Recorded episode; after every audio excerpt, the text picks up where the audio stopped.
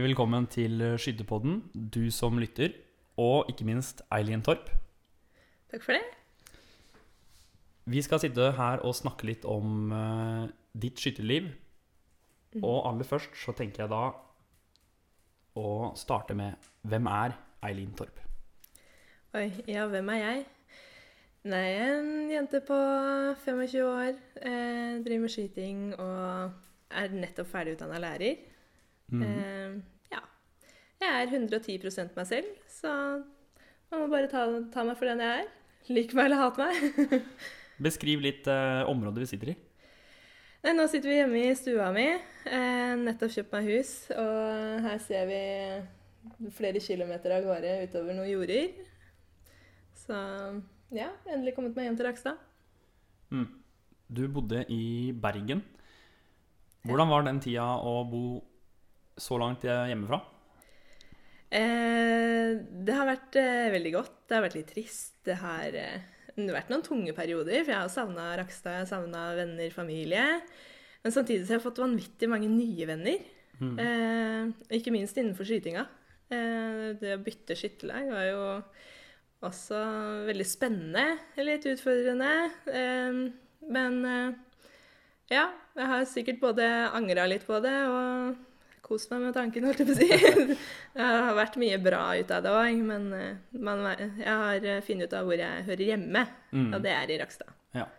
Du er nå 26 år, Ja, snart. snart. Du var eh, 22 da du ble tidenes andre dronning noensinne. Ja. Fortell om den reisen fra 0 til 22 år. Å, shit. Ja, nei. Eh, Da jeg var liten, så var jeg veldig aktiv. Så jeg begynte med håndball. Og holdt på med det fram til jeg var tolv. Men jeg begynte med skyting da jeg var eh, Jeg var vel ikke helt fylt elleve, men rundt der omkring. Og syns jo skyting var veldig spennende. Hva, veldig- hva var det som dro deg til skytinga? Nei, egentlig så skulle ikke jeg begynne med det, for det var broren min som drev med det. Eh, og han hadde med seg masse kamerater og sånn, og de kjørte sammen i bilen. Og, Mm. og det var jo stappfull bil, så det var aldri plass til meg. Så jeg var jo hjemme alene da, og ofte hos mormor og bestefar. Em, men plutselig en dag da, så var det en som ikke var med, og da var det plass til meg i bilen. Så da måtte jeg bli med òg. og når jeg først var der, så eh, hadde vi noe Det har jo alltid vært familie som har drevet i skytterlaget. Mm. Så da var det litt sånn der, Ja, nei, nå er du her, så nå må du prøve. Og da var det liksom sånn Det skulle ikke så mange skudda til før jeg var liksom bitt av basillen. Mm. Så det var eh, Nei, ble bare rett og slett betatt av den derre greia med at OK, man konkurrerer med gutter. Det er jo litt gøy, for Ja. i håndball så er det jo bare mot jenter, ikke sant? Og gjerne på lag og sånne ting. Og det Ja. Jeg er nok kanskje litt egoist, så Ja. det å være en individuell idrettsutøver, det passer meg kanskje litt bedre. Liker å styre det mer sjøl. Ja, og så er jeg en ekstremt dårlig taper, så stakkars de der lagspillerne mine på håndballen, de fikk gjennomgå noen ganger. Jeg har litt dårlig samvittighet for de. Så Når var det du fant ut av at du var god? Oi, nei, det gikk faktisk ikke så veldig lenge før jeg fant ut at jeg, dette var noe jeg kanskje hadde litt talent for. Det var ikke så mye trening som skulle til. eller sånn. Jeg, første gang jeg begynte med å skyte, så tror jeg jeg skjøt sånn Jeg hadde vel 208 på 25 skudd. Det syns jeg var helt fantastisk. Men det var liksom sånn Ja, jeg så at poengene økte jo vanvittig fort. Så bare etter et Mm. år så var jeg oppe og så skjøt eh, 2,48 med reim og en gammel grilldress som utstyr. altså Den gangen så var det jo ikke noe krav om at du skal ha skytejakke når du var aspirant. Nei, nei, nei. Så det var jo veldig sånn hm, Ja, jeg har faktisk skutt 2,48. Jeg tror faktisk jeg har skutt 2,50 på trening òg, i den der rosa grilldressen jeg hadde den gangen. så det Nei, merka fort at jeg var ganske god i skyting. Du, var, du tok noen titler som ungdomsskytter òg. Ja, I eh, hvert fall lag. Ja, i hvert fall lag. Eh, eh, Rakstad skytterlag har jo alltid vært kjent for at vi har hatt gode skyttere. Mm. Eh, men så har vi liksom falt fra én etter én etter hvert, da. Men Og det har liksom gjort at det har vært enkelt å være god. For at du har alltid hatt de der som har pusha deg alle veier. Ja. Så det Ja. Det, de titlene de kom liksom bare på rekke og rad allerede i 2006, tror jeg, i Steinkjer. Mm. Da ble jeg jo individuell norgesmester i eldre rekrutt, tror jeg var Det var vel det den gangen. Ja. Jeg tror det var det jeg var. det er så lenge siden, så jeg begynner å bli gammel og senil. Men på hvilket tidspunkt fant du ut at nå satser jeg for den store tittelen? Oi, det var eh, Jeg tror jeg var tolv år den gangen. Og endelig liksom fikk lov å skyte med 6,5. Mm. For det var sånn der, det året fra jeg begynte Det var ikke lange stønna det tok før jeg syntes det var urettferdig at jeg måtte skyte med 22. Oh, ja. For jeg hadde jo sett disse andre ligge der og smelle med de store geværa og bare Det her har jeg lyst til! Um, så det tok ikke lang tid, altså. Det gjorde ikke det. Mm. Men uh, Nei, å, det er spennende å tenke Eller det er litt sånn Litt sånn eh, surrealistisk å tenke tilbake på den tiden. Det er det, altså. Eh, Det er liksom huske hva, hva, hva skjedde den gangen. Men eh, Nei, hva skal man si? Um, Du begynte jo å satse spesielt etter du dro til Bergen. Ja, ja, da var det jo helt sykt. Jeg har aldri skutt så mye i hele mitt liv. Eh, og det var veldig mye trening da den høsten. Eh, og Jon Olav er jo en fyr som trener noe vanvittige mengder. Jon Olav Ågotnes. Ja, han, eh, han trener noe The one and only. Ja, the one and only. Nei da, det er sikkert mange andre som trener like mye som han nå, men jeg hadde aldri trena den mengden før. Mm. Og I hvert fall ikke de mengdene på stående, men jeg visste at jeg trengte det. Mm. For dette det stående var min milepæl. hvis jeg endelig kunne få has på den stående skytinga, så visste jeg at der, da kunne jeg bli god. Ja. Så det, det var mye teknikktrening og irritasjon på hver eneste trening, for jeg har vært vanlig med å stå opp i Rakstad og trene aleine de siste åra, før jeg dro til Bergen. Og det å endelig ha en som kan pushe deg på trening, Mm. og som eh, stort sett alltid var bedre på trening, Ja. det gjorde mye med meg. For at du, det skjer noe både, både med at du liksom får en sånn indre vilje, at jeg skal ta det, ja. og jeg skal gruse deg så sinnssykt en gang. Men det å gruse noen sånn helt sinnssykt i skyting, da, det er jo sinnssykt vanskelig. Skal kanskje litt til. Det skal litt til.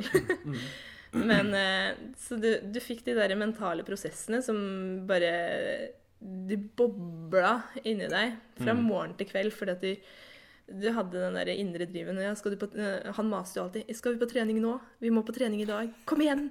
Du må være med!'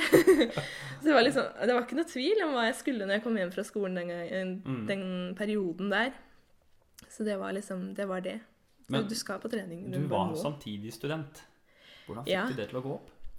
Jeg hadde spart litt penger, da. Heldigvis. Så du kan vel si at man satsa litt alt man eide og hadde den gangen. Mm. Det gjorde egentlig det. Og stipendet Jeg var så heldig at jeg fikk lov å bo på loftet hos eh, Jon Olav og Liv. Og det, hvis jeg ikke hadde bodd der og fått bo der så billig, så hadde jeg nok aldri sittet her som skytterdronning i dag, tror jeg. Mm. Men samtidig så kom den der treninga og den harde satsinga til kort en periode, sånn på våren. Og spesielt når jeg kom hjem til sommeren, så var det sånn OK, nå har du gitt alt, Elin, og du kjenner at du begynner å bli trøtt på skyting.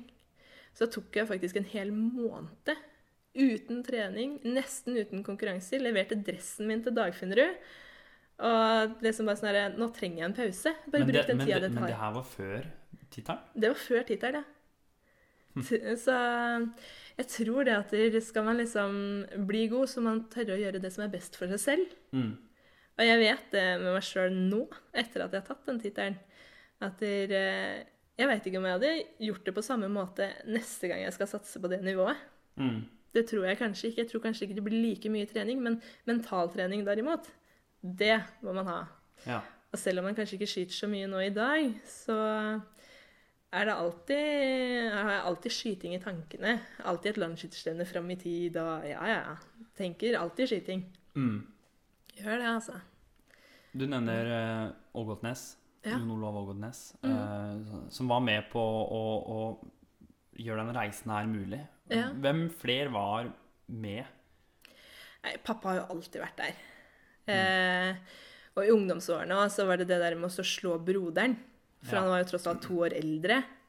Så han òg må jo dra fram. Og alle de andre skytterne i, i Rakstad skytterlag. Så Du har jo Sivanita Dramstad og Sara Yvonne Karlsen, og det å reise på tur med de og alle de andre, det har vært kjempeviktig for at jeg skulle liksom finne den motivasjonen som jeg alltid har hatt for Mhm. skyting. Men det er klart, jeg har vært lei.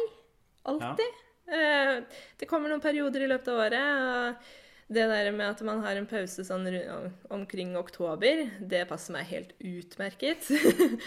For jeg er litt sånn der eh, Jeg liker også å prestere på de store mesterskapene, og så kan jeg liksom ligge litt sånn og vake de andre gangene. Jeg kan bevise for meg selv at jeg vet at jeg fortsatt kan, og Ja. så ja, er det ikke så nøye med alt det andre. Men det er jo alltid, jeg sikter jo alltid mot landskirennet, jeg gjør jo det. Mm. Og det har jeg alltid gjort. Og jeg blir like irritert på meg selv hver gang jeg ikke klarer å prestere så godt som jeg selv men, mener jeg bør, da. Ja. Men eh, å nei, det er mange personer. Altså, altså, Østfold Skyttersamlag, da. Måten de har lagt opp med ungdomssamlinger og sosiale happeninger hele tiden. Og du har til og med vært instruktøren min der mange ganger. Ja, ja, det er helt absurd å sitte her med deg nå. Ja, Det er jo det er kjempegøy. Ja. Det er jo gøy å se at dere gror under en også. At dere kommer folk Mhm. etter. Det har jo også vært kjempeinspirerende. Og det der med å være instruktør òg, få lov å Det er jo en ære for meg å være det. Jeg syns jo Mm. fortsatt Jeg blir nesten rørt hver gang jeg blir spurt. Men eh, nei, det, du blir så bevisst på hva du selv gjør da, når du skal lære det bort til andre. Ja, selvfølgelig.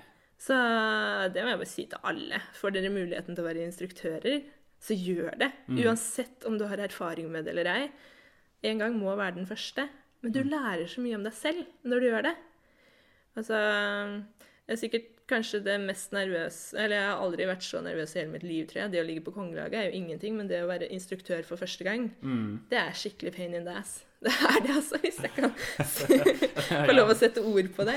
For det Nei, det å ligge på kongelaget, det er eh, piece of cake. Men eh, Men vi kommer til det uunngåelige spørsmålet.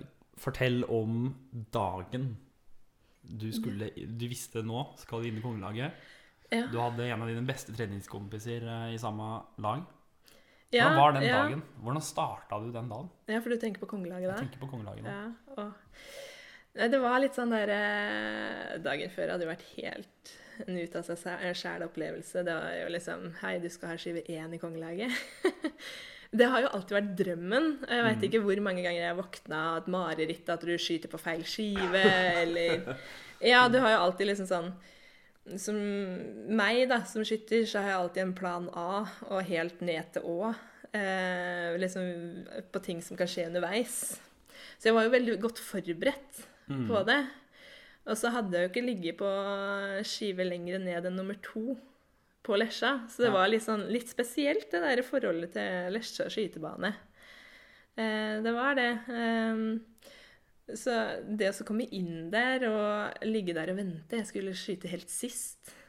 Og jeg så liksom den ene etter den andre klarte ikke skyte 100, og jeg tenkte bare er det så håpløse for- forhold her ute? Og tenkte bare Å nei, det her kommer jo ikke til å gå. Og så tenkte jeg bare Ja, men hallo. Eh, nå må du slutte med de tankene, for det å tenke negativt når du ligger der, det går ikke. Ja. Da har du tapt for lenge siden. Mm. Så det var liksom det å snu det om, da. Og når Ole Kristian da skøyt 100, det var, det var så godt. Jeg bare sånn Yes, det er mulig. Når han klarer det. Han skjøt 100. Han skjøt 100 først. Og det var liksom bare sånn Yes, det går. Når han klarer det, så klarer jeg det. Ja, ja, ja. Og så kommer det noen sånne slibrige kommentarer etterpå, da. Men eh, det, det kan kanskje, kanskje angre litt på i dag. For det er sånne ting som tenner meg noe helt sinnssykt. Så det går liksom en sånn liten F i deg, og bare sånn herre Nå skal jeg i hvert fall ta det. Mm. For Spesielt det der med å ligge der med to gutter som har lik poeng som, som det. Ja. Og målet ditt har alltid vært å slå guttene. Jeg skulle jo helst blitt den første Så det har vært en del av motivasjonen din? Ja, alltid. Og det der å kunne gruse gutta, det, å, det er like gøy på bare vanlig åpen stevne. Mm. Det er nesten litt sånn Ja, klubbmesterskap kan jeg ikke si lenger, for det er den eneste senioren i Rakstad skytterlag. Men det er liksom Nei. Det, det er en vanvittig dårlig taper. Jeg prøver å la være å vise det sånn Mm. uh, utad der og da, men uh, når jeg kommer hjem til meg selv, så er det litt sånn «Æ, Det var ikke helt sånn det skulle gå i dag. Mm. det var ikke det, altså. Du valgte å skyte med åpen skjerm. Jeg valgte å skyte med åpen skjerm. Noe alle kommenterte. Ja. Og du så på skudda underveis. Ja, ja, ja. Jeg må ha kontroll. Altså når du har tilbudet om å se på skjermen, Mm. eller ikke, og litt nysgjerrig av natur, da, så må man jo bare benytte seg av den sjansen. Og så er det det at det, for meg så er den der skjermen det, Den er ikke farlig på noe som helst vis. Jeg vet jo selv hva jeg ser i sikte, og det å da få bekreftelse på den skjermen, det er jo bare godt. Det er jo betryggende underveis. Men ja, jeg skal, jeg skal ikke stikke det under en stol at det siste skuddet så går børsepipa ganske mye opp og ned, og det å da time det at du skal treffe akkurat i midten da, det er litt sånn nervepirrende å se da bort på skjermen for en siste gang. Men altså, skjermen har vært treningspartneren min i så mange år. Ja. I hvert fall etter at jeg ble senior, fordi at dere har flytta alle de andre fra skytterlaget. Og det var liksom ingen sparringspartnere der lenger. Jeg har jo til og med stående skyting. har jo drevet og hatt pappa som treningspartner. Han har ligget skutt liggende, og jeg skulle da slå han. han, ja. Jeg skal slå han med å skyte stående. Det var liksom det mest tilnærma riktige jeg liksom kunne gjøre da, for å få den samme spenningen. ja. Og jeg ser jo Nei, så den skjermen har liksom alltid vært der for meg. Det har vært et treningsverktøy. For jeg, sånn, jeg skal ha en tier på den skjermen der, og hvis det ser bra ut i sikte, så nå det hvis det da var en nier. For det er liksom sånn, det har vært en trygghet alltid. Så det å kunne bruke den på plansjettskjermen, tror jeg bare er en fordel for meg. Mm. Og det tror jeg sikkert kunne vært en fordel for veldig mange andre. ja. Men det er mange som kvier seg og heller lukker den igjen. Og... Ja, men jeg, jeg har litt lyst til å spørre mange av de. Sånn, hva er det de er redd for? Er de redd for at vi skal dukke opp en nier, eller hva, Er vel hva kanskje er mest redd for seg sjøl og sin egen reaksjon, at man ikke kan kontrollere det. da. Ja, ja, det kan jo være. Det, det er klart, når jeg drev vanvittig mye mentaltrening, så når jeg ligger der, så er jeg så klar på Jeg ligger der i helt min egen verden. Det er ikke det at jeg ikke får med meg hva som skjer rundt, for på Lesja så var det kjempetynne vegger, så jeg hørte absolutt alt hva som ble sagt. For det blei jo da omskyting, og oh, ja, ja, i den omskytinga så hørte jeg jo at det, Å nei, en hva?» Det var, jeg hørte jo Torida Raune kommentere hele greiene. Og jeg tenkte bare Hm, jeg har ikke skutt noen nier, så da er jeg fortsatt med, da. Ja ja, det er en som er borte. så jeg var litt sånn der, når det kom litt lenger ut, så når jeg da endelig fikk den nieren til sist, så bare sånn derre ah, Nei, nå er jeg ute. Å nei, shit. Men det å da ha de der svære skjermene som vi har oppe på Oppe stolpene, taket, ja. oppe i taket, når man ligger der, og så det å så snu seg rundt og så bare se opp og bare studere hva er det dere andre har skutt, liksom. For sjøl så vet jeg at ja, jeg har jo 99. Og så bare Hæ? Ole Christian Bryn, han er verdensmester i liggendeskyting. Han har ikke Hæ? Har ikke han 100? Og så Jon Olav òg, han har vært i kongelaget tusen ganger. Mm. Og så bare Nei, ikke han heller. Oi! Det betyr jo faktisk at jeg har vunnet! Det er liksom tanken i hodet der. Bare sånn Hæ? Er det mulig? Og det er vel kanskje derfor man har bilde av det der store hakasleppet som jeg hadde da. Akkurat det du skjønte at du hadde vunnet. Ja. Ja. men sånn «Ja, Shit! Meg? Lille jeg? Jeg har alltid drømt om det, men det, det var litt sånn derre Hæ? Og så var det litt sånn Jeg har jo aldri tenkt forbi det her med å bli skytterdronning. Altså, det har Mm. alltid vært målet mitt. ja. Og så når du da når det, jeg bare sånn Å, shit, hva skal jeg gjøre nå? Ja, for det, det, er, kanskje- det, er, det er mitt neste spørsmål. Altså, er det, ble det en ny tidsregning i livet ditt? Tida før tittelen og tida etter dronningtittelen? Ja, ja. Det, det blei egentlig det for meg. Eh, for før det så var jeg liksom bare Da var jeg på en måte bare meg selv, og jeg gikk på skytebanen og koste meg med det. Men jeg skal jo innrømme det at i, i tida etterpå så har man jo liksom tenkt veldig på hvem man er. Hva, hva personligheten din utstråler. Hvem, kanskje litt bevisst på hvem jeg vil være, Mm. egentlig. Eh, hvem, hvem vil Eileen være for folket der ute, da? Og, og så vet man jo det, det har jeg jo merka etterpå, at man, man får jo sine fans. det gjør man jo. Men eh, det er det liksom, Du blir så bevisst på hvem du vil være, og prøver å leve opp mot det. Mm. Og så er jeg litt sånn derre Jeg har jo lyst til å utstråle det at man kanskje ikke må trene seg i hjel for å nå målet, men samtidig trene riktig. Ja. Det, det, men ja. Det er også at det, at jeg, skal være litt omgjengelig, da. Mm. Vise at jeg bryr meg. For jeg bryr meg jo om alle. For at jeg, alle i DFS er jo en stor familie. Ja. Og det har alltid vært det for meg. Altså Hvis jeg har en tung periode, eller sånne ting, for jeg har jo hatt mine skader opp igjennom. Og da er det liksom det å oppsøke DFS og oppsøke de vennene du har der. Mm. Det gir deg så utrolig mye, for at de, folk er så omgjengelige. Mm. Det jeg har foreløpig ikke opp, opplevd noe mobbing eller noen ting innenfor skytesporten. Og det, det har vært en fantastisk reise. Jeg har liksom Mm. sett Den gangen som jeg drev med håndball, f.eks., så kunne ikke foreldrene snakke sammen engang. De satt liksom på hver sin ende av tribunen, og det var ikke noe, liksom, det var ikke noe sånn derre 'Heia Rakstad!' Liksom, Heia ungen min, si. Nei, ja, ja, det var nettopp det. Det var bare det det var. Og det å komme ut, liksom Det er jo først da du merker det. Det derre brølet som møtte deg når du kom ut der som skyterdronning. Og bare sånn Hæ? Har alle de her liksom sittet og heia på meg og liksom bare sånn der, Det er den jubelen, liksom. Jeg bare Hæ? Er det mulig? Så du blir jo liksom sånn der, du, er rørt over din egen prestasjon, men du er også rørt av det folkehavet som møter deg, og gratulasjoner og lykkeønskninger. Det er bare sånn der, det er helt fantastisk, rett og slett. Ja. Og det, slår meg faktisk akkurat nå. Ja. Når vi sitter her i det nye huset, halvveis sånn eh, oppussing, lagt nytt gulv, mala litt på vegger. Mm. Men kongepokalen den er ikke framme på hylla. Nei, ikke det. Um, men det er rett og slett fordi at jeg har ikke helt bestemt meg for hvor jeg vil ha den hen. For uh, jeg er egentlig litt der sånn som uh, Ole Einar Bjørdalen er. Han har jo alle kongepokalene sine i fjøset. for det er litt sånn derre uh, Hvis man ser på det hele tiden, så kan man liksom tenke tilbake og være litt fornøyd med det man har prestert. Ja. Og jeg tenker litt det at hm, jeg har ikke lyst til å sette meg ned og være fornøyd ennå. Jeg har lyst til å oppnå mer. Og Du var ganske ung da. Altså 22 Ja. år. ja, En skytterkarriere, den er ganske lang. ja, jeg har lyst til å drive med skyting helt til jeg ikke er mer. Ja. Eller rett og slett ikke klarer mer. Det er en livslang idrett. Ja, det er det. Og det er litt sånn der eh, Sånn som nå det siste året, fokusert på siste året på studiene og kanskje ikke skutt så mye. Mm. Og da, det er litt sånn deilig, for at du, du kan alltid komme tilbake.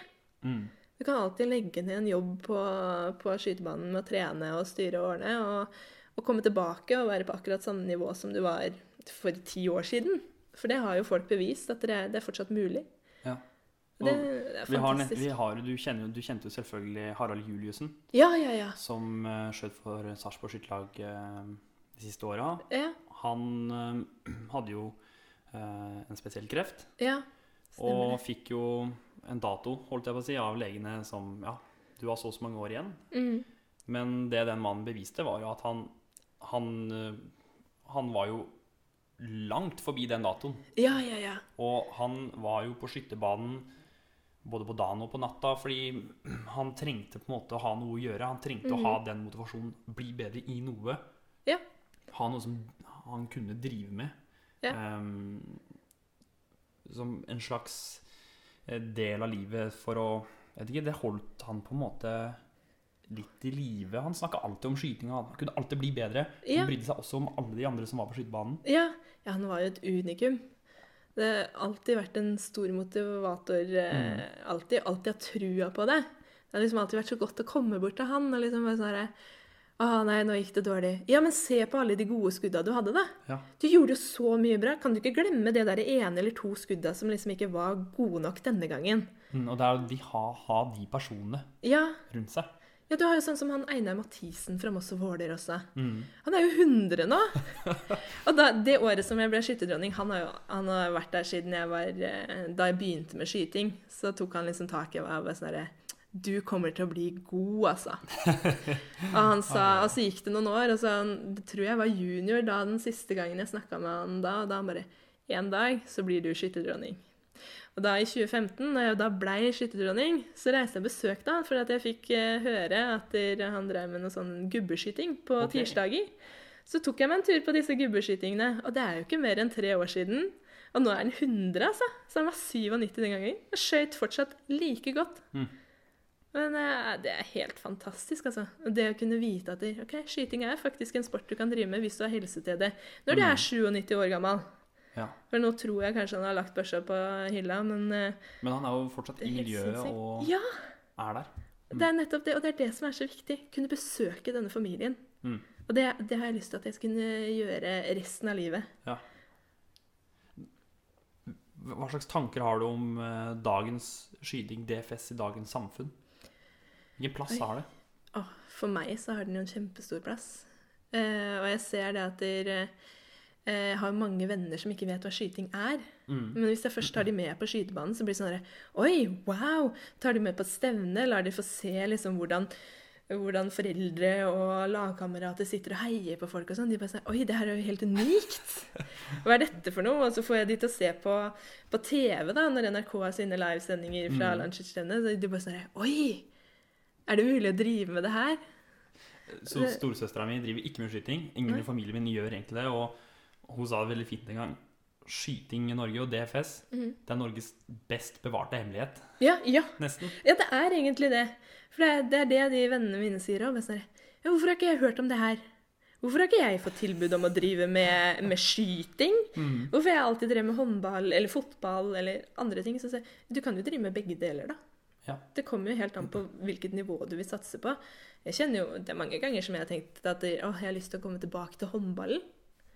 Men det, det vet man jo at med tida så er jo det noe man bør legge på hylla, de tankene der, da, med tanke på hvor mye skader og greier man kan få ved å Ja, ja, gå tilbake på det. Men DFS, altså, det har mye å si, og jeg tror det er viktig for samfunnet òg. Vi ser jo bare- bare dette med skyting for mestring. Mm. Eh, Det er jo Jeg er helt overbevist om at det har noe å si. For jeg har alltid vært en litt sånn rastløs person, så mamma og pappa hadde jo aldri troa på Mm. at jeg kunne ligge der og skyte 25 og 35 skudd. Uten at jeg liksom bare hadde vært overalt og ingen steder. Jeg hadde jo skjønt det hvis de hadde snakka om miniatyrskyting, men uh, Ja. du har jo takla DFS-en Ja, veldig bra. ja, jeg vil påstå det. Og jeg kan eh, melde meg på miniatyrskyting òg, men jeg er jo kanskje Ja, ja Har da. du tålmodigheten? 60 skudd liggende er veldig mye, men uh, det går veldig fort, da. Ja, For det, jeg ligger ikke der og venter på at vinden skal snu, eller nei. nei, nei, jeg skyter og blir ferdig. jeg har ikke tålmodighet til det. Men det er jo Vi er jo litt inne på det. Eh, Mm. Mange vet ikke hva skyting er. Eh, er det kanskje et mer typisk uh, større bymiljøer sammenligna med Rakstad, som er litt mer landlig? Er det en Det- ja. forskjell der? Hvordan, er, hvordan står skytinga her i Rakstad? Skyting i Rakstad er jo veldig utbredt. på en Mm. måte. Akkurat nå så er det litt eh, labert eh, nivå på antall ungdommer i Rakstad skytterlag, blant annet. Men eh, det har litt med at folk har blitt så interessert i jakt Ja. og sånne ting. Men eh, jeg tror det at det, kanskje nå som jeg kommer hjem igjen, at det kanskje kan bli en litt stor greie igjen. Forhåpentligvis. Mm. Men eh, altså i Rakstad så vet alle, stort sett alle hva skyting er. Ja. Eh, og det er sånn jeg møter folk på gata, og de bare 'Å ja, ja der er hun derre skytterdronninga'. Du har vi sett på TV. Det er hun de skriver om i avisa. Jeg har også hørt det, eh, for jeg jobba jo en tid på en bensinstasjon her i Rakstad. Ja. Og da fikk jeg bare sånn Det står søren i, meg om deg i avisa hver eneste dag. Kan ikke du liksom bare la være å skyte så godt et par ganger?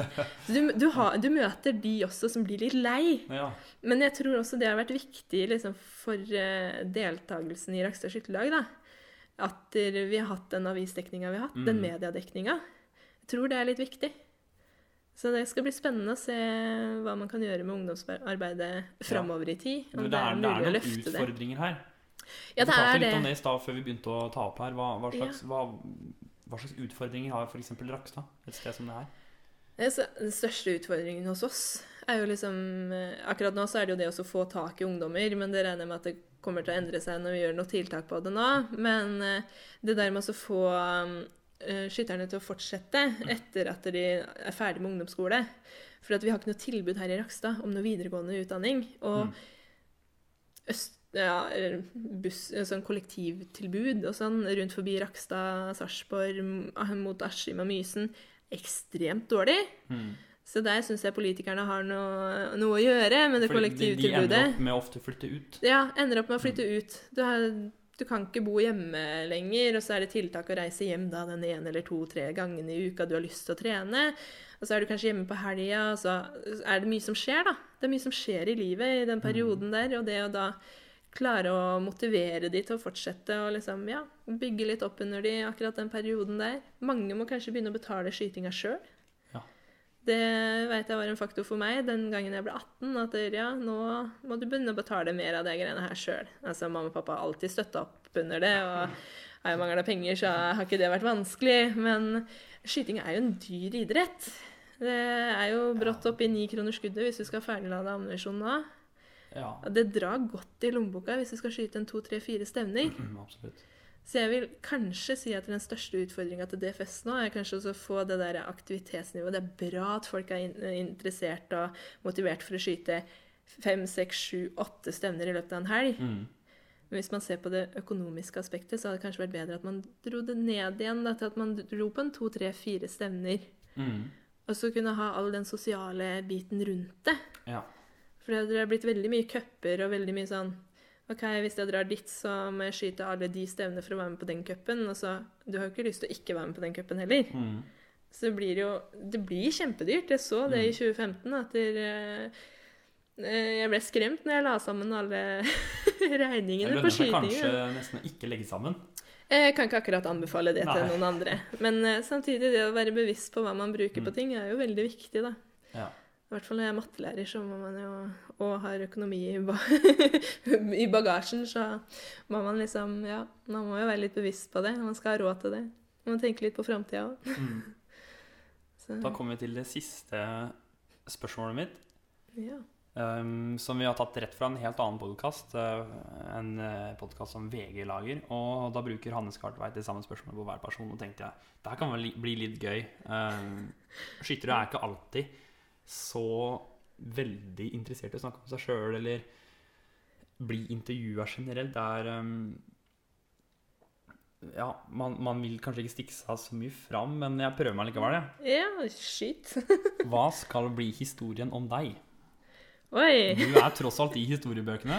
Jeg er jo i historiebøkene allerede. Eh, du, men du kan fortsatt uh, Du er jo såpass ung, du kan jo fortsatt eh, påvirke den historien om deg. Hva skal den bli? Ja, altså, jeg må jo Jeg kan jo ikke stoppe livet mitt eh, som skytterdronning bare én gang.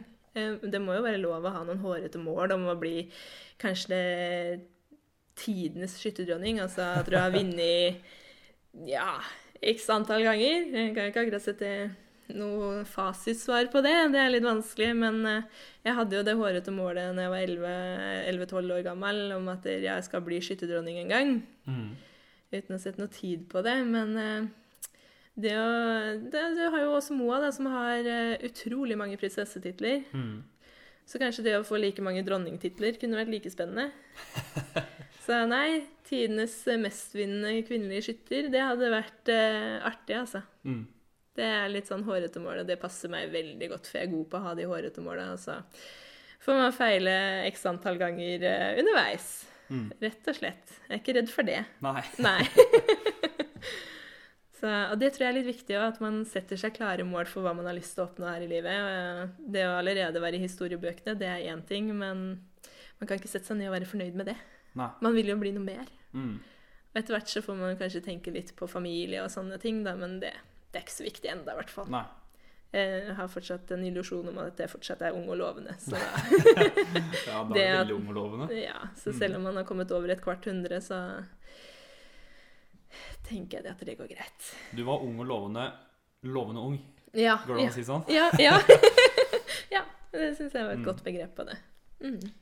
Tusen takk for eh, praten. Jo, takk i like Lykke til med de hårete måla. Jo, takk for det. Håper du setter deg noen hårete mål sjøl òg. Ja, det eh, gjør jo for så vidt det. Eh, Men jeg tenkte ikke vi skal snakke om det i Skytterpodden. Nei, det får bli en Det får bli etter historiebøkene. Ja, ikke sant? Takk, takk for eh, den praten. Og så høres vi jo Vi treffes jo i hvert fall senere. Ja. Rundt omkring på stevner. Det håper jeg. Jeg håper å se alle andre også. Mm. Og så blir det antageligvis eh, flere intervjuer av eh, forhåpentligvis både skytterkonger og dronninger senere i Skytterpodden. Og vi høres eh, snart senere. Takk for at du ville lytte. Ha det bra.